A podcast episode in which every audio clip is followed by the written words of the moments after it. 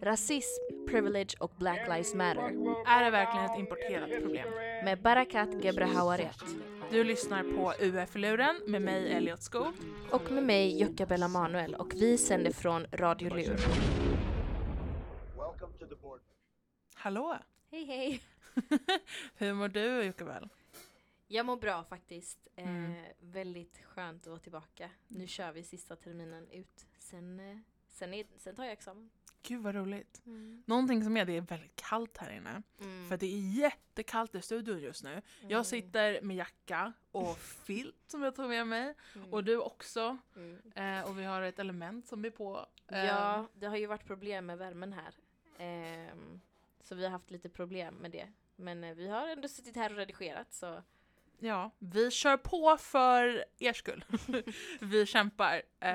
även fast vi fryser. Men Mm. eh, det går bra för oss. ja. Och det här är ju våra två sista avsnitt. Precis. ehm, där vi har fått äran att få prata med Barakat Mm. Gebrahawariat. Eh, och vi pratar om rasism, vi pratar om privilege, vi pratar om Black Lives Matter.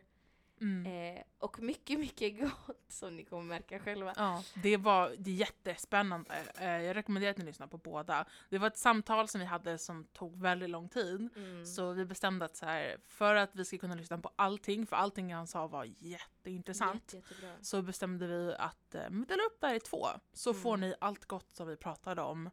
Eh, och två avsnitt, så det är lite lyx sådär för er att få två avsnitt. Ja, och vi, jag och Elias pratade om det innan, men alltså det är så ehm, satisfying att lyssna på någon som verkligen kan. Mm. Och kan sätta saker into perspective och kontext. Mm. För att den som absolut inte förstår kan förstå. Mm. Och han Eh, kan Och han kan göra det. precis det han Och pratar det om. gör ju också, det är ju anledningen varför vi verkligen ville ha honom när det kom till den här topic, är för att man, man vet att han kommer put it into context. Mm.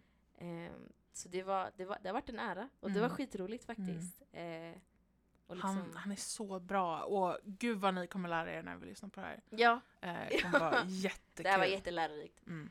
Ehm, Men jag tycker att eh, vi kör igång Mm. eh, och så lyssnar vi på första delen i vårt samtal med Barakat.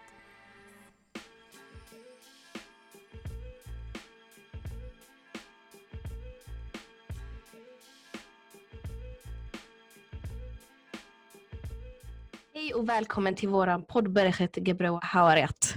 Där säger jag rätt. välkommen, välkommen. Tack så jättemycket, roligt att vara här. Ja, alltså vi var ju, vi var ju väldigt eh, hårda med att vi skulle ha det här. Ja. Specifikt vid den här topic för att vi vet att, eh, att vi kan förlita oss på din kunskap. Eh, så vi kommer inte gå direkt in på frågorna. Eh, så vem är du?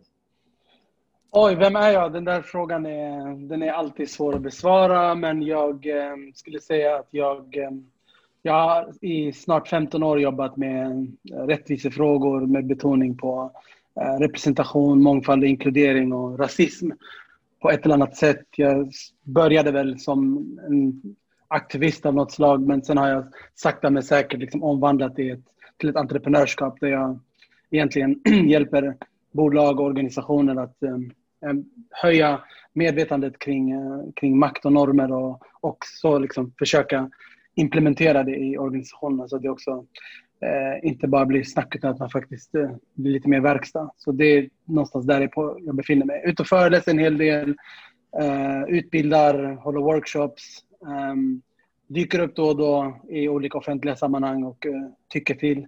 Eh, jag är i grunden statsvetare och journalist och jag har en halvfärdig master i media communication. Eh, så framöver så vill jag gärna forska om några år. Så att, eh, I grunden så är det det som lockar mest faktiskt, akademin. Men apropå det då, hur, hur kom du där du är idag? Hur kom du dit? Alltså, Ehm, vad har du gjort under ditt liv som gör att du är här där du är nu? Det är en jättebra fråga. Så det är 100% så här bananskal. Eh, Jag eh, har alltid varit, eh, ja, jag vet det är en dålig metafor när en svart person säger det, men Ja. jag har alltid varit intresserad av, eh, eller jag har alltid jobbat med rättvisefrågor på ett annat sätt. På ett eller annat sätt. I, i mina studier, allt, allt jag gjorde i, i akademiskt var, berörde diskrimineringsfrågor på ett eller annat sätt. Så det fanns aldrig någon tanke om att när jag blir, när jag blir stor så ska jag jobba med det här heltid. Det fanns aldrig liksom på horisonten utan jag gjorde det för att jag tyckte att det var viktigt och jag gör det fortfarande för att jag tycker att det är viktigt och Mm. eh, för att bekämpa rasism och, och jobba mot ett mer inkluderande samhälle. Ehm, vad är rasism och varför är det viktigt att prata om det? Det. Om vi ska prata om basic nivå här. Exakt, ja. Så alla ja, vad är rasism? Eh, alltså det är en jättebra fråga. Den är väldigt svår att besvara. Eh, även för er som liksom, eh, är liksom rör er i akademiska rum vet att det är ett komplext fenomen. Det finns ingen direkt konsensus även i, bland, bland intellektuella och bland forskare. Det är ett, ett ständigt debatterat ämne. Och jag är inte den, jag brukar sällan komma med så Wikipedia-definitioner utan det, det är ett, ett, ett, ett, ett ämne som till att börja med man behöver förstå det som ett strukturellt fenomen och även det är ju liksom föremål för debatt. En del menar att det, att det är ett utslag av individuella handlingar och en del menar att det rör sig mer om ett eh, inom USA brukar man säga systemic problem eller systemic racism. I Sverige pratar man om strukturell rasism. Eh, det som är intressant, man kan, eh, när jag pratar om rasism så pratar jag om det som, ett ämne, eller som, en, som, som en uppsättning handlingar som egentligen är eh, friskrivna från eh, intention. Vi tenderar att eh, eh, fokusera, eller de är inte totalt friskrivna, men att vi eh, har kanske historiskt sett kopplat ihop eh, rasism väldigt mycket med aktiva, medvetna, intentionella handlingar. Eh, och vi har också haft en tendens att prata om det som om det är ett isolerat fenomen eh, där vi kan prata om kanske ja, det finns rasister, galna rasister på högerkanten. Eh, och att de skulle vara medvetna om det här och att det är något som, som lätt kan liksom, eh, sättas i karantän på något sätt. Eh, Medan jag menar att det är ett mycket mer strukturellt fenomen som många gånger sker på ett undermedvetet eller omedvetet plan. Man brukar prata om både direkt och indirekt diskriminering eller direkt eller indirekt rasism. Det vill säga eh, att eh, jag fokuserar mer och mer på indirekta former, det vill säga dolda normer, implicit biases som påverkar vårt beteende, som vi inte alltid är medvetna om. Eh, jag tittar väldigt mycket på den typen, för jag, jag tänker att det är den typen av idéer som omedvetet aktiveras och eh, leder till diskriminerande handlingar. Eh, Så jag vill flytta fokus från intention till impact. Så vi pratar mer om effekten av rasism snarare än att Annars hamnar man lätt i en sån återvändsgränd där människor säger det var inte det jag menade, det, var, det här var min avsikt. Då. Och det är fine, men eh, det går inte att mäta avsikter. Däremot kan vi observera eh, effekter och handlingar. Så jag ser rasism som en politik snarare än en person. Jag tror historiskt sett har vi tänkt på rasism som, ja men det är, vi pratar mer om rasister och inte rasister, eller rasister och icke-rasister eller antirasister. Men alltså jag tror att det är mycket mer komplicerat än så. Även människor som ser sig själva som eh, antirasistiska eller som fria från rasism kan fortfarande bära på rasistiska idéer och de idéerna kan alltid översättas till handling. Eh, och det är där jag jobbar väldigt mycket, att jag försöker eh, medvetandegöra de här väldigt intuitiva och implicita processerna eh, som, som vi kan vara bä- bärare av. Eh, så jag vet inte om det fullt besvarade er, er fråga, men det finns ingen så här enkel definition av det.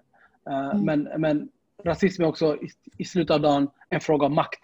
I Sverige är vi mer eller mindre vana att associera genus med makt. Till exempel. Det är mer eller mindre okontroversiellt, även om det alltid kommer finnas människor som även eh, har starka invändningar mot det. Men att vi pratar om patriarkatet, vi pratar om eh, eh, eh könsmaktsordning. Däremot så har vi inte samma inställning till, till ras som social konstruktion. Eh, Så rasism egentligen handlar om att det är historisk, historiska idéer som fortsätter ha social mening eh, eh i, i, i dagens klimat. Så att det finns ibland också tendenser att historisera rasism och prata om det som om det är någonting som skedde då, där borta, inte här, inte nu. Eh, Och eh, riktigt så enkelt är det inte. Utan eh, det, ras, eller idéer om ras fortsätter att prägla våra samhällen. Eh, Och det är inte bara idéer utan vi vet till exempel av färska rapporter visar till exempel att afrosvenskar marginaliseras systematiskt på arbetsmarknaden. Mm. Vi vet att afrosvenskar är överrepresenterade i sårbara låglöneyrken men eh, eh, underrepresenterade i chefspositioner. Så inom forskningen brukar man prata om horisontell och vertikal segregering. Och vi vet också att det är faktiskt olönsamt för afrosvenskar att gå ut högskolan för det leder ofta till högre arbetslöshet. Vi vet också att för en afrosvensk, genomsnitt afrosvensk måste, ha, måste bokstavligen vara tre gånger bättre än sina eh, än vita eller icke-svarta icke medborgare på arbetsmarknaden. Så en afrosvensk måste ha en doktorsexamen för att kunna tävla på samma eh, villkor som eh, personer som är vita eller icke-svarta som har eh, treårig eftergymnasial utbildning. Mm. så när jag växte upp så fick jag ofta höra att jag måste jobba två gånger, tre gånger så högre. Och mm.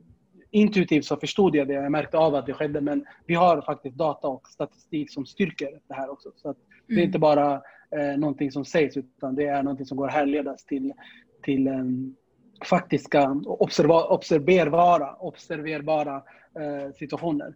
Eh, mm. Så min poäng är att rasism är inte bara en uppsättning idéer, det är faktiskt en, eh, det är handlingar som kan materialisera sig till exempel på arbetsmarknaden. Och vi vet att det finns liknande mönster eh, i alla samhällsarenor. Eh, och inte bara mot afrosvenskar utan mot människor som kodas som icke-vita eller som definieras eh, som eh, invandrare. Eh, som många gånger är ett, eh, eller det är ett, ett kodord för icke-vit. Och, eh, så rasismen utspelar sig på många olika sätt. Jag brukar prata om rasism som ett spektrum eh, snarare än, än, än ett statiskt fenomen. Så, eh, och I det spektrumet inryms allt ifrån spektakulära hatbrott där afrosvenskar också är överrepresenterade till mer subtila mikroaggressioner. Eh, som att eh, mina grannar vid flertalet tillfällen, jag bor på Södermalm som är ett väldigt vitt område, vid, vid flertalet tillfällen har frågat mig till exempel kan jag hjälpa dig? Ibland har de gjort det på svenska, ibland på engelska. När jag har frågat varför så har de sagt någonting i stil med att ja, vi har haft inbrott här förra, förra veckan så det här är grannsamverkan. Jag, I tvättstugan så var det en granne som frågade bor du verkligen här? Och när jag frågade hur så? sa han jag har aldrig sett det här. Så det är en form av så här, implicit polisande av icke-vita kroppar. Mm. Så det är också, jag vet att vi ska prata lite om rasprofilering längre fram, så det är också en form av så här rasprofilerande beteende. Och många gånger så är inte det här medvetet. Människor är inte alltid medvetna om att de gör kopplingar mellan kroppar och egenskaper. Eh, och att det liksom sker mot bakgrund av en eh, historiska idéer om eh, till exempel svarta kroppar. Det finns etablerade stereotyper som eh, vi också insocialiseras i. Och där tycker jag att mm. ett användbart begrepp är just insocialisering. Att vi många gånger är eh, inskolade och intränade att se världen på ett visst sätt. Och, och ibland så aktiveras de här idéerna och eh, översätts till handlingar. Eh, mm. Och en handling kan vara till exempel att människor pratar engelska med mig i offentliga sammanhang, i offentliga rum.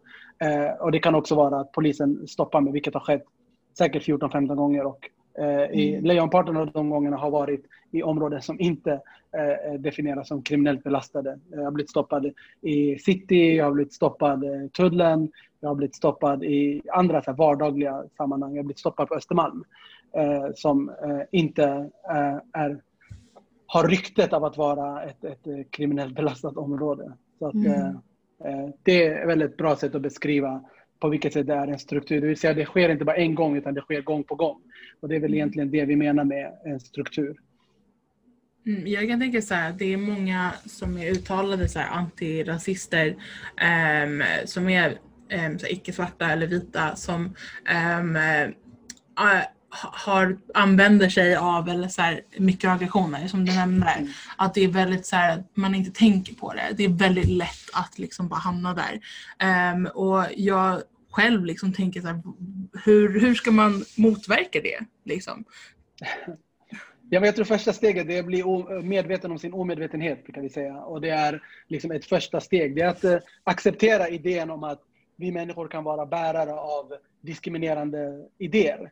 Eh, och i, i, om vi levde i en värld där idéer stannade i huvudet, då hade vi inte haft några problem. Problemet med idéer är att de, de tenderar att översättas till handling och det är då det blir ett problem.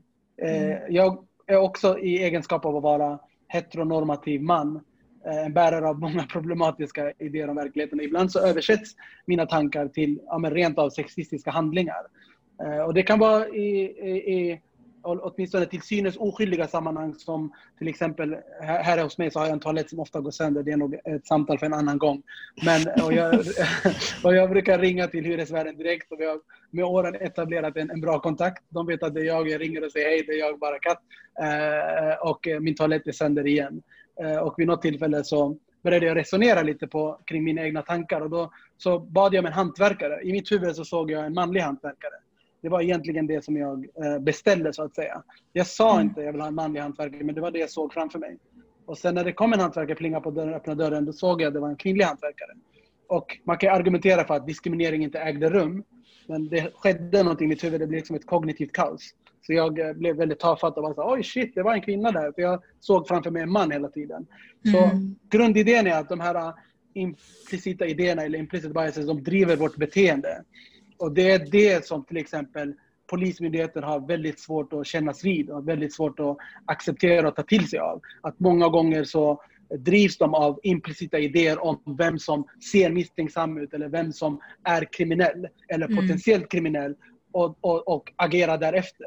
Och det leder då till att eh, en sån som jag, och det, jag hatar egentligen att och, eh, eh, dementera det här, men som aldrig har gjort någonting brottsligt ändå har blivit stoppad så pass många gånger och eh, Mm. offentligt förnedrad och, eh, och, eh, och eh, ja, men diskriminerad.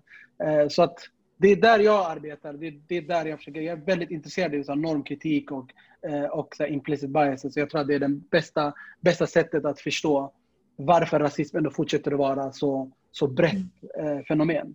Jo, jag tänkte så här, ehm, det du sa med att det är väldigt undermedvetet. Att ehm, Mm. det är, det finns, jag såg en grej om så här, the doll test. Det. har du hört talas om det?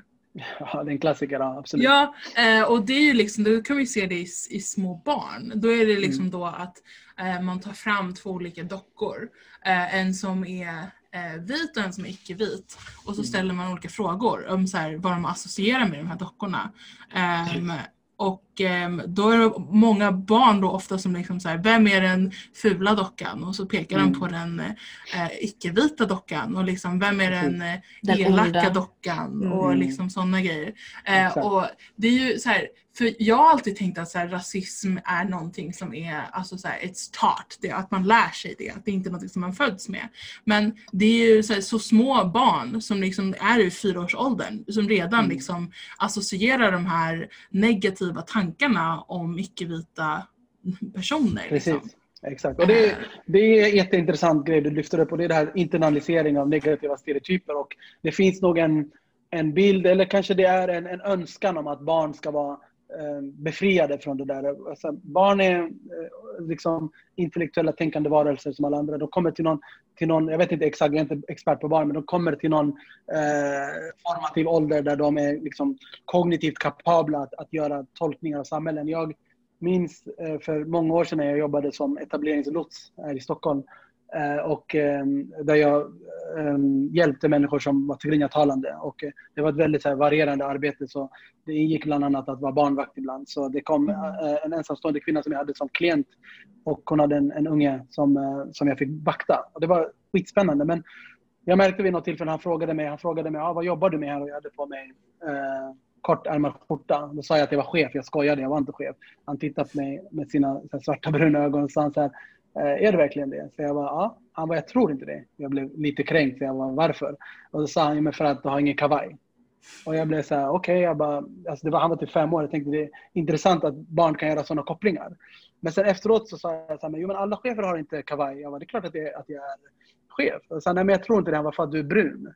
Så och han hade liksom gjort en, en, en koppling kring eh, chefskap och, eh, och ras egentligen.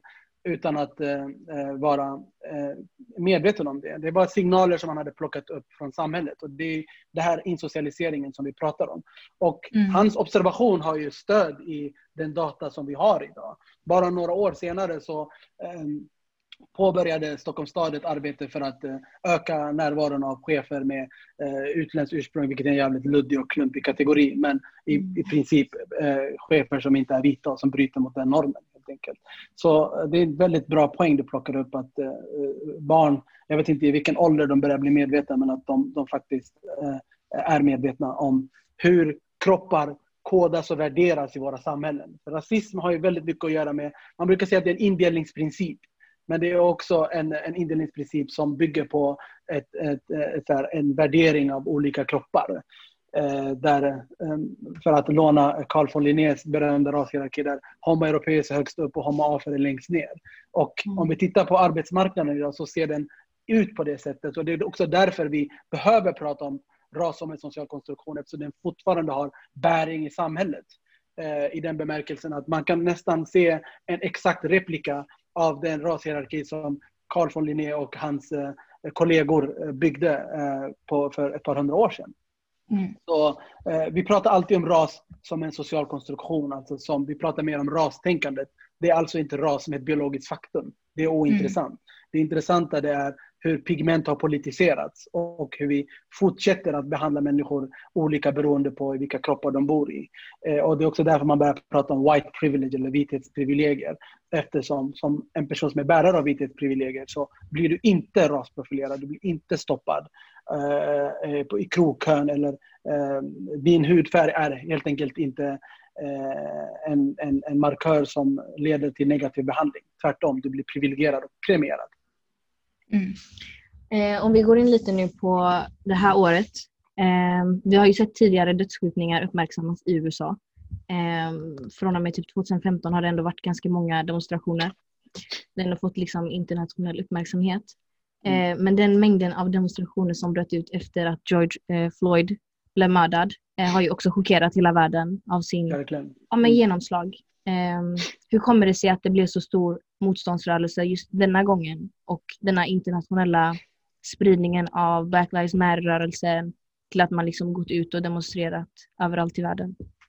Jag tror att det är eh, liksom resultatet av så ackumulerade orättvisor. Liksom så här, vi har, det skedde under pandemin och det är viktigt att komma ihåg. Och en del psykologer har beskrivit det som att eh, det har också att göra med att människor, eh, inte minst så här, vita medelklassmänniskor i USA, eh, fick eh, möjligheten att komma ur liksom, det ekorrhjulet och vara hemma. Och många var klistrade framför datorskärmen eller, eller, eller tvn. Och det finns också idéer om att människor redan var i en reflekterande fas eftersom liksom pandemin har ändå satt världen i undantagstillstånd. Så jag tror att det är en del som gjorde att, att många människor var dels klistrade vid eh, sin, sina, sina datorskärmar och sina telefonskärmar men också emotionellt och psykologiskt mottagliga för det som händer. Jag tror att kanske, och det här är min egen tes, att vi kanske som, som, som mänsklighet upplever liksom en väldigt så här bräcklig tillvaro och att det gör någonting med hur vi förhåller oss till eh, nyheter som kanske vanligtvis hade, precis som du var inne på, passerat förbi. Liksom att det Mm. blev, och att eh, just svarta amerikaner var också de som, liksom, det var problem på problem på problem. Liksom att man drabbades oproportionerligt stor utsträckning av coronaviruset. Eh, man drabbades oproportionerligt stor utsträckning av arbetslösheten till följd av viruset. Eh, också till råga på det så, Eh, så sker det här. Och jag tror också att det faktum att det faktiskt filmades och på det sättet det filmades. Liksom, jag tror att den bilden vi fick av när den här vita polis, eh, chef, eh, polis, polisen sätter ett knä på en svart mans kropp och vi får i åtta minuter se liksom, hans liv försvinna. Eh, jag tror att det är otroligt kraftfull eh, bild men jag tror också att den på många sätt och vis eh, är ehm, symptomatisk och sammanfattande för eh, eh, strukturell rasism och eh, polisvåld. Och, att den, jag tror att den blev på något sätt den perfekta bilden av ett imperfekt samhälle. Eh, det kan framstå tror jag för en, människor som inte är insatta som om så här, BLM eh, liksom växte fram som så här, en svamp under jorden. Alltså, det är inte riktigt så. BLM har funnits i flera år och eh, Mm. som, som nätverk och som organisation, som rörelse. Så precis som du nämnde innan så har det funnits flera insatser och demonstrationer i samband med andra eh, polismord där liksom svarta, eh, i första hand svarta män, men givetvis också svarta kvinnor och transpersoner har varit Mm. föremål för, för eh, statligt sanktionerat våld. Det är viktigt att komma ihåg det. Att det här handlar inte om, ibland så brukar folk kontra med att säga låt oss prata om black on black crime. Och det kan man ju eh, bemöta på många olika sätt som det faktum att, att svarta människor dödar svarta, det har bara att göra med närhet, alltså proximity. Mm. Mm. Eh, och det har att göra med liksom, i vilken typ av social struktur de befinner sig i. Det, det är inte så att eh, en, en person som bor i ett eh, marginaliserat bostadsområde åker hela vägen till ett lyxområde för att mörda någon. Utan mord vet vi också oftast har att göra med människor som känner varandra och så vidare. Det finns, man kan svara på det på mycket sätt. Men om man lägger det åt sidan så är det också att göra. Det här är inte att en vit person dödar en svart person. Det är staten som mördar svarta personer. Mm. Så det är också viktigt att komma ihåg det. Det är också en del av anledningen till varför eh, det finns, har uppstått så massiva demonstrationer. I slutet av dagen så handlar det om att eh, det är, en, det är alltså en demokratifråga. Alltså en eh, myndighet som har eh, våldsmonopol funkar inte exakt i USA visserligen, Mm. eh, går runt och mördar människor och de är representanter för staten. Mm. Eller, eller sin state i det här fallet. Mm. Men om vi då ska ehm, f- gå från USA till Sverige och prata om lite mer då nationellt. Um, så kan man säga så här, när rörelsen nådde Sverige så kunde man läsa väldigt mycket på internet att det kritiserades för att vara ett importerat problem. Eh, att Ja, rasism och rasdiskriminering inte riktigt finns i Sverige. Eh, hur ställer dig du för det, det argumentet? Jag skrattar, höll jag på att säga. Jag ska börja med att säga att rasism är ett transnationellt fenomen. Det har det alltid varit. Mm. Eh, det är liksom ett, eh, det är, så här, det är global, globala händelser alltid. Det har aldrig varit eh, en, en, en ideologi som kan isoleras till en, en särskild plats eller kontinent. Utan det är viktigt att komma ihåg det. Och det andra är, jag tror att det ger uttryck för en så här klassisk svensk strutsmentalitet. Alltså en sån här förnekelsediskurs kring rasism. Och även om den börjar utmanas mer och krackeleras så tror jag det har att göra med liksom, vi har en nationalromantisk självbild av att rasism inte är någonting som, eh, som eh, sker hos oss. Eh, vi har visserligen ett, eh, en ensta, enstaka galningar på högerkanten men det är inte ett sånt problem. Det finns liksom en bild som Sverige har odlat av sig själv som ett moraliskt samvete. Inom forskningen brukar man prata om nordisk exceptionalism. Det vill säga idén om att just Sverige och de nordiska grannländerna står utanför kolonialismens eh, processer. Och Det är kontrafaktiskt. Alltså, det, är en skev historieskrivning. Det stämmer helt enkelt inte om vi tittar på alltså om vi gör en historisk tillbakablick och tittar på vilken roll Sverige faktiskt har spelat inom eh, produktionen av rasbiologiska idéer. Eh, och där har ju Sverige faktiskt varit en spetsnation. Sverige var ju det första landet på jorden som eh, inom ramarna av bred parlamentarisk konsensus eh, eh, bestämde sig för att inrätta ett statligt raslaboratorium 1921 i Uppsala universitet. Och det finns de som menar att det här var ett marginellt fenomen, men det är inte heller sant. Vi vet till exempel att Herman Lundqvist var en, en rasbiolog som eh, eh utvecklade eh, eh, skallmätningar och faktiskt exporterade det till andra internationella sammanhang där det fick en, en, en eh, betydande spridning.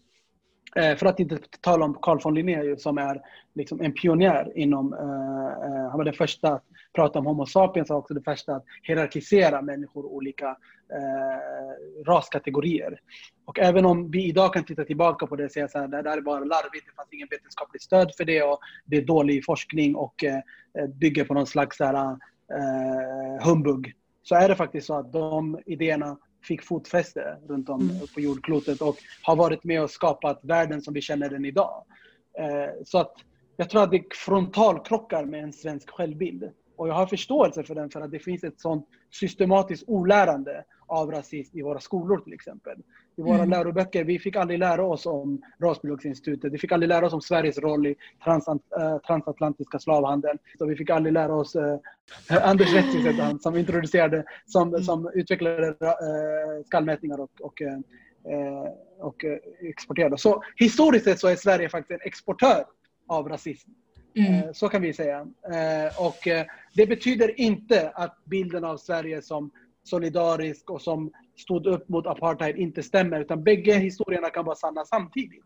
Mm. Eh, Och jag tror att vi måste förstå att, där, att ibland så eh, är eh, nationer djupt paradoxala och att bägge sakerna kan ske samtidigt. Man skulle kanske kunna prata om ett så här Janusansikte eller någonting. Och det har vissa forskare har haft den typen av eh, blick när de har tittat på Sverige. Att det har både funnits eh, liksom kända svenska intellektuella som med emfas har kritiserat eh, rassegregation i USA.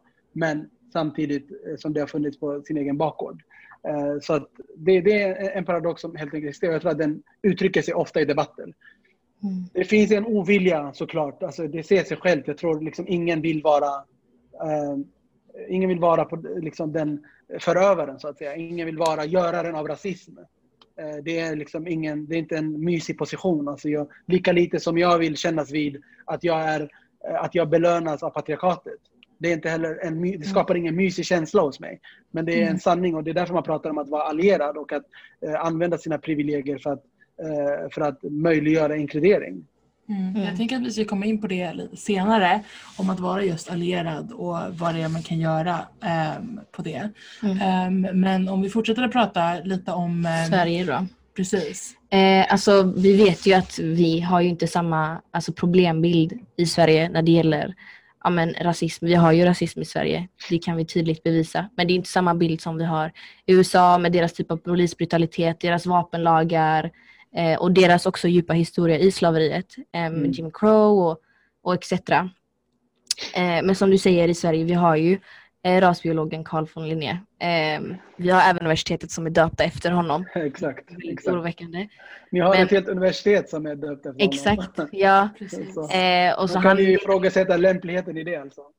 Mm. Det är ett helt annat sant. eh, som folk börjar tänka på när, under det här Black Lives Matter. Att ehm, med statyetter av, Mm. ehm, av slavhandlare och sånt. Och det var ju väldigt aktuellt i till exempel Storbritannien och USA. Men också så togs det ju upp om till exempel Carl von Linné. Eh, om hur vi ska idealisera honom. Liksom. Mm. Eh, så det tänkte jag lite på. Men alltså jag tycker det, det är, alltså det är, man ska komma ihåg att det är en nationalklenod. Så jag har en viss förståelse för att människor är otroligt ovill, ovilliga att acceptera den bilden. Och även i hans fall ska man kunna säga så här, han gjorde en hel del eh, banbrytande eh, vetenskap när det kom till att systematisera växter och allt. Det, man, vi Mm. behöver inte förneka det, men han gjorde det här också. Så jag Mm. menar, jag tror att det är väldigt symptomatiskt för hur vi väljer att berätta om eh, nationen, alltså narrativ kring nationen. Det är att man berättar gärna allt det Mm. fantastiska och det som är, som är någonting att vara stolt över och sen eh, skyller man undan allting det som är negativt under den blågula mattan. Och det är inte unikt för Sverige. Det är inte exklusivt för Sverige. Alla nationer gör det här. Ingen nation eh, stiger fram och, och, och gärna pratar om eh, olika typer av historiska illdåd eller vilka massiva problem man har med diskriminering och rasism på hemmaplan. Det, är- Mm. det är viktigt att ha med. Det är liksom ett allmänt, så här, allmänmänskligt psykolo- psykologiskt tillstånd. Så jag har liksom Ja. förståelse för det även om jag inte håller med om att det ska vara så. Mm. Ja, eh, men jag tänkte bara komma tillbaka till det jag sa innan. nej, nej, det är ingen fara. Eh, ja, exakt. Vi har inte samma problem, eh, problembild som vi har i USA, men vi har väl en, en klar historia som kan väldigt, alltså kan ändå godkänna de typen av drag vi har i Sverige. Eh, och eh, idag kanske vi inte ser folk bli mördade på gatan av polisen, men vi ser även svarta gravida kvinnor bli utdragna från tunnelbanan på ett väldigt brutalt sätt eh, framför sitt barn. Vi ser även unga killar, svarta killar som blir diskriminerade av väktare, polis. Eh, det må inte vara ett mord, men vi ser även andra typer av drag i Sverige. Eh, vilka parallella drag kan vi alltså, se utöver det i Sverige? Jag tycker att det är jättebra. För det första tycker jag det är en jättebra fråga och jag tycker vi, måste, vi ska stanna upp en liten stund kring det här med att det går inte, som statsvetare så vet vi också att man kan inte göra eh, komparativa analyser rakt av utan man måste ta hänsyn till geografiska förhållanden, politiska villkor och, och social struktur. Givetvis, det går inte att bara jämföra Sverige och USA rakt av. Precis som du var inne på, Sverige, USA har andra typer av vapenlagar, de har en betydligt tydligare koppling till slaveriet. Även om det finns en koppling till slaveriet också i Sverige så finns det absolut skillnader som är, som är viktiga och relevanta att ta hänsyn till. Så det är väldigt viktigt att tänka på att det också bara hur USA är strukturerat i olika delstater och att de delstaterna Mm. kan skilja sig åt rätt så dramatiskt och Mm. Sverige har ett annat politiskt system. Det är jätteviktigt att säga. Så det är inte exakt samma sak. Det går inte att översätta amerikanska problem till svenska förhållanden. Det är viktigt att nämna. Däremot så finns det tydliga beröringspunkter. Det finns, man brukar också säga det, man brukar kalla rasism för en kameleont, vissa forskare. Jag brukar prata om det, att den har liksom, eh, egenskaper som en kameleont, det vill säga den anpassar sig till eh, specifika geografiska eller nationella förhållanden. Så det är givet att det kommer finnas eh, skillnader i hur rasism uttrycker sig i olika länder, olika kulturer, olika tider. Så det är inte en statisk sak, det är viktigt att säga. Men av de sakerna som vi räknat upp, vi vet till exempel att det finns en väldigt, väldigt tydlig diskriminering av afrosvenskar i Sverige. Det är välbelagt. Vi vet att afrosvenskar är um, underrepresenterade på uh, arbetsmarknaden och överrepresenterade i hatbrottsstatistiken. Mm. Det här vet vi. Uh, och alla de andra sakerna som jag nämnde. Det kom en rapport från Länsstyrelsen 2018 som tydligt liksom kunde belägga att vi har um, strukturella, uh, en strukturell diskriminering av afrosvenskar bas, alltså på basis av idéer om ras. Mm. Eh, och att det präglar arbetsmarknaden. Det är egentligen ett väldigt illustrativt sätt att visa på hur, hur ras fungerar. Det vill säga det finns ett institutionaliserat rastänkande som många individer är bärare av och det tar sig uttryck i form av konkret eh, diskriminering på till exempel arbetsmarknaden. Eh, så det finns ju. Det finns i USA, det finns i Sverige. Man börjar också forska mer idag kring eh, vilka effekter rasism kan ha på eh, hälsan hos de människor som drabbas av det. Man börjar prata om minoritetsstress. Man börjar se mer och mer att det finns tydliga kopplingar. I till exempel i USA så det, har man påvisat en tydlig koppling mellan att utsättas för långvarig och lågintensiv rasism och hur det kan ta sig uttryck i biologiska reaktioner i form av högt blodtryck, stress. I USA brukar man prata om det som kallas för weathering. Det är mm. ett bra exempel, på, eh, om man ska förklara det på svenska, så är det att kroppen förtvinar eh, eller förvittrar. Och det är helt enkelt så att man har sett specifikt bland svarta kvinnor, hur de blir bemötta i, i, i hälsovården, är att eh, man blir utsatt för en, en, en, en stridström av mikroaggressioner och subtil rasism och indirekta former av diskriminering och att det sätter sig i kroppen. Så att säga. Så det påverkar eh, kroppen så pass mycket att det accelererar åldrandet. Och man skulle mm. kunna prata om rasism som en slow kill. Så du har å ena sidan det extrema uttrycket av att en, en svart man blir mördad av en polis åtta minuter framför, framför TV eller blir skjuten. Det är en omedelbar död. Men sen har vi den här långsamma accelererandet av, av, av åldrandet som leder till en för tidig död. Det, man skulle kunna säga att det är på andra sidan spektrumet. Och det är mer hur man utsätts för långvarig... Och vi, har sett, vi ser den typen av mönster i Sverige också. Det är bara det att forskningen är otroligt eftersatt. Så det finns en eftersläpning av, eh, av data och dokumentation och forskning kring det här. Men det är på gång. Så vad forskare i Sverige har kommit fram till är att det finns otvetydigen strukturell diskriminering i Sverige och strukturell rasism. Men vi behöver mer forskning för att ta reda på hur omfattande det är eh, och eh, och för att förstå det i all sin komplexitet så behöver vi mer och mer forskning. Och en positiv nyhet är att regeringen efter BLM och efter att eh, eh, afrosvenska grupper i Sverige har protesterat och, och, bildat opinion så har man också bestämt sig för att, eh,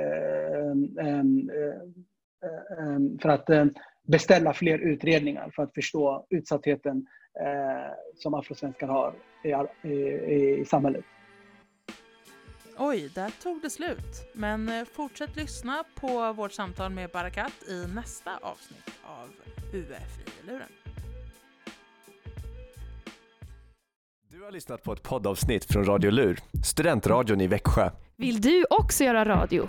Gå in på radiolur.com.